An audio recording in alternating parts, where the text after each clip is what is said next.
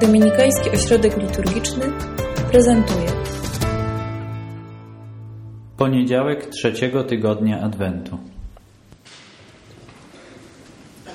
W rozważaniu Różańca Najświętszej Maryi Panny dochodzimy do tajemnic bolesnych.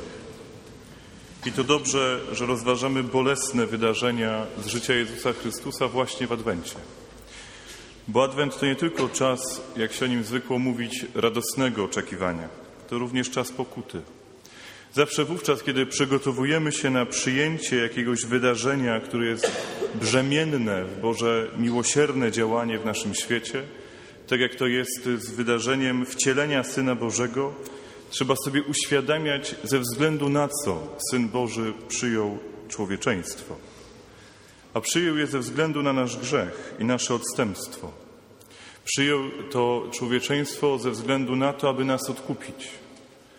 Dlatego trzeba nam pamiętać w tym czasie przygotowania się do świąt Bożego Narodzenia, że powodem, jednym z wielu, ale jednym z tych najważniejszych powodów wcielenia Bożego Syna było nasze odstępstwo, nasz grzech. Jest to czas pokutowania, czas oczyszczania serc na to przyjęcie Bożego Syna. Kiedy myślimy o męce pańskiej, to trzeba nam pamiętać o tym, że to myślenie jest zawsze ambiwalentne, bo z jednej strony przyglądamy się Bożemu miłosierdziu. Święta Katarzyna ze Sieny powie, że nie sposób, aby ludzka natura Jezusa Chrystusa była w stanie w pełni wyrazić Boże miłosierdzie. Boże miłosierdzie jest większe niż to, co Chrystus mógł pokazać w cierpieniu swojej męki, w swojej śmierci. Dlatego mówi Katarzynie, że pozwolił sobie przebić bok po śmierci, żeby pokazać, że Jego miłość jest jeszcze większa niż to, co możemy w męce Bożego Syna oglądać. To niesamowite Boże miłosierdzie to pierwsza z perspektyw, w której trzeba nam przyglądać się męce Bożego Syna. Ale jest też druga, ta, w której my stoimy bardziej, że tak powiem, naturalnie. Jesteśmy po stronie uczniów, którzy w ogrójcu posnęli, a potem się rozpierzchli. Jesteśmy po stronie oprawców, którzy ze względu na swój grzech i zaciemnienie swojego umysłu podnieśli rękę na Bożego Syna. Jesteśmy w końcu tak również po stronie Jezusa Chrystusa, który nam w wierze przewodzi i ją wydoskonala. Czy też patrzymy na mękę Bożego Syna z perspektywy Maryi, która przez współczucie Mu towarzyszy. Jest wiele tych perspektyw, w których możemy na mękę Bożą patrzeć. Spójrzmy na to pierwsze wydarzenie modlitwy Chrystusa w Ogrójcu, która jest nazywana walką, agonią Chrystusa w Ogrójcu. Czegoś tam uczymy od tego, który nam wierze przewodzi i ją wydoskonala. Przede wszystkim tego, że Boża wola to nie jest wyrok, ale to okazanie miłosierdzia. Domyślam się, że podobnie jak w moim życiu i dla Was, ciężko jest czasem przyjąć Bożą wolę, przyjąć ją tak, jaką ona jest, jako wola Ojca. Wola Ojca, który nigdy zła nie chciał, który nigdy zła w naszym życiu nie chce, który jeśli coś czyni, co wydaje nam się trudne, czy jest po prostu zwyczajnie trudne, trudne do przyjęcia, trudne do przejścia, trudne do przeżycia, nie czyni tego ze względu na jakąś obojętność, czy ze względu na jakieś bezduszne próby wydoskonalenia nas. Boża wola w naszym życiu jest zawsze miłosiernym działaniem Boga Ojca. I tylko Syn nas mógł o tym pouczyć. Syn, który w ogrójcu przyjmuje kielich męki. Syn, który wówczas właśnie uczy nas modlić się do Boga jako do Ojca. Ojcze, nie to, co ja chcę, ale to, co Ty chcesz. Tylko i wyłącznie Chrystus mógł w tym momencie swojej, rozpoczęcia swojej męki z pełną świadomością tego, co go czeka, do Boga nie modlić się w żalu, nie modlić się w pretensji, nie modlić się w jakiejś krytyce czy w buncie, ale w pełnym posłuszeństwie. Pełnym posłuszeństwie i oddaniu. Ojcze, nie to, co ja chcę, ale to, co Ty chcesz. Z drugiej strony, tak jak mówiłem, patrzymy na uczniów, którzy posnęli. Po dobrej wieczerzy, po dobrej uczcie zrobili to, co każdy mężczyzna robi lubić najbardziej, to znaczy wpadli w jakąś drzemkę. w jakąś gnuśność. I niestety wobec Bożego miłosierdzia czy wobec Bożych wyroków my często jesteśmy gnuśni, często jesteśmy właśnie obojętni zaspani. Ale też często jesteśmy zaspani wobec tych, którzy cierpią. Tak jak uczniowie zasnęli w obliczu swojego nauczyciela, który przecież przeżywał trwogę konania. Ta gnuśność w stosunku do czyjegoś cierpienia jest czymś, co wymaga Bożego pouczenia i takie pouczenie Chrystus uczniom daje. W końcu możemy spojrzeć na tą, na tą scenę modlitwy Chrystusa w Ogrójcu z perspektywy tych, którzy przyszli tam z kohortą rzymskich żołnierzy. Tych, którzy bezpośrednio przyczynili się do śmierci Chrystusa. Ale my nie bardzo się od nich różnimy.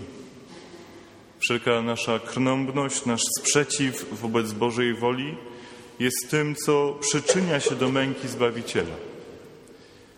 Ta krnąbrność, ten sprzeciw, to przeciwko czemu występuje modlitwa Chrystusa, nie jako krytyka, ale jako wskazanie właściwej drogi i pokazanie tego wzorca, jakim jest przyjęcie Bożej woli, sprzeciwia się właśnie krnąbrności, sprzeciwia się temu, co jest raczej naszą specjalnością, tego tak czy inaczej wyrażonego sprzeciwu wobec tego, co Bóg oczekuje, wobec tego, co Bóg nam daje, wobec tego, co przeżywamy i co jest z Jego łaski.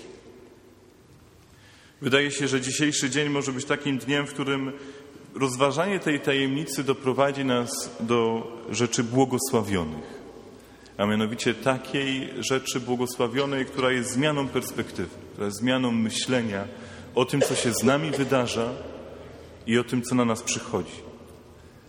Możemy dzisiaj spróbować przyjąć te trudne doświadczenia, które są czy to wypisane w naszej historii, czy aktualnie je przeżywamy.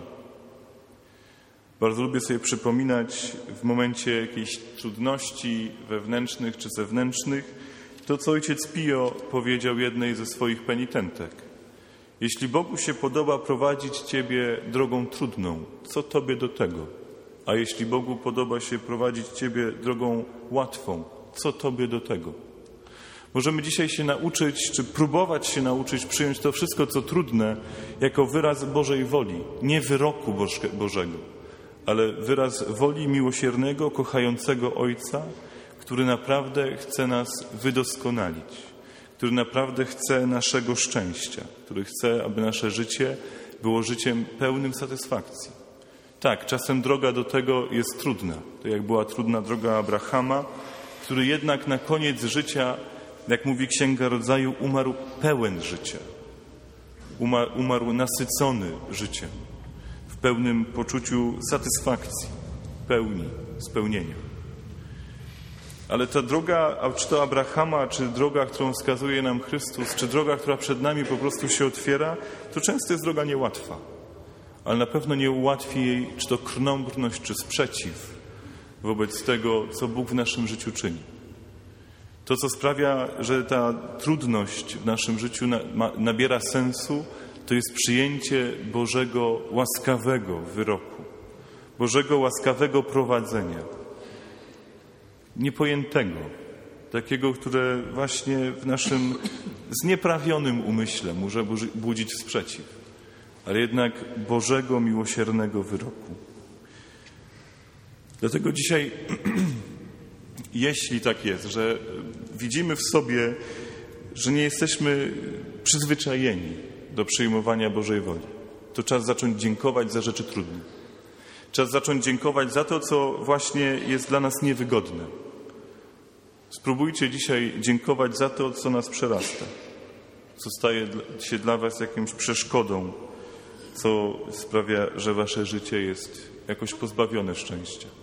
A jeśli nie możesz podziękować, to przynajmniej powiedz tak jak Chrystus.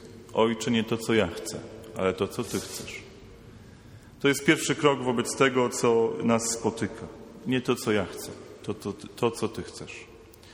I trzecia rzecz, której warto się dzisiaj nauczyć, poza dziękczynieniem czy przyjmowaniem Bożego miłosierdzia objawionego w Jego woli, to przebudzenie się z senności wobec cierpienia innych to przebudzenie się z tego letargu naszego jakiegoś znieczulenia, jakiegoś ogłuszenia się innymi treściami i otwarcia oczu na tych wszystkich, którzy cierpią wokół mnie. Naprawdę nie warto przespać ich cierpienia. Nie warto przespać ich cierpienia. Wręcz przeciwnie, trzeba nam otworzyć oczy. Trzeba nam się odsucić i ich wspierać. Amen.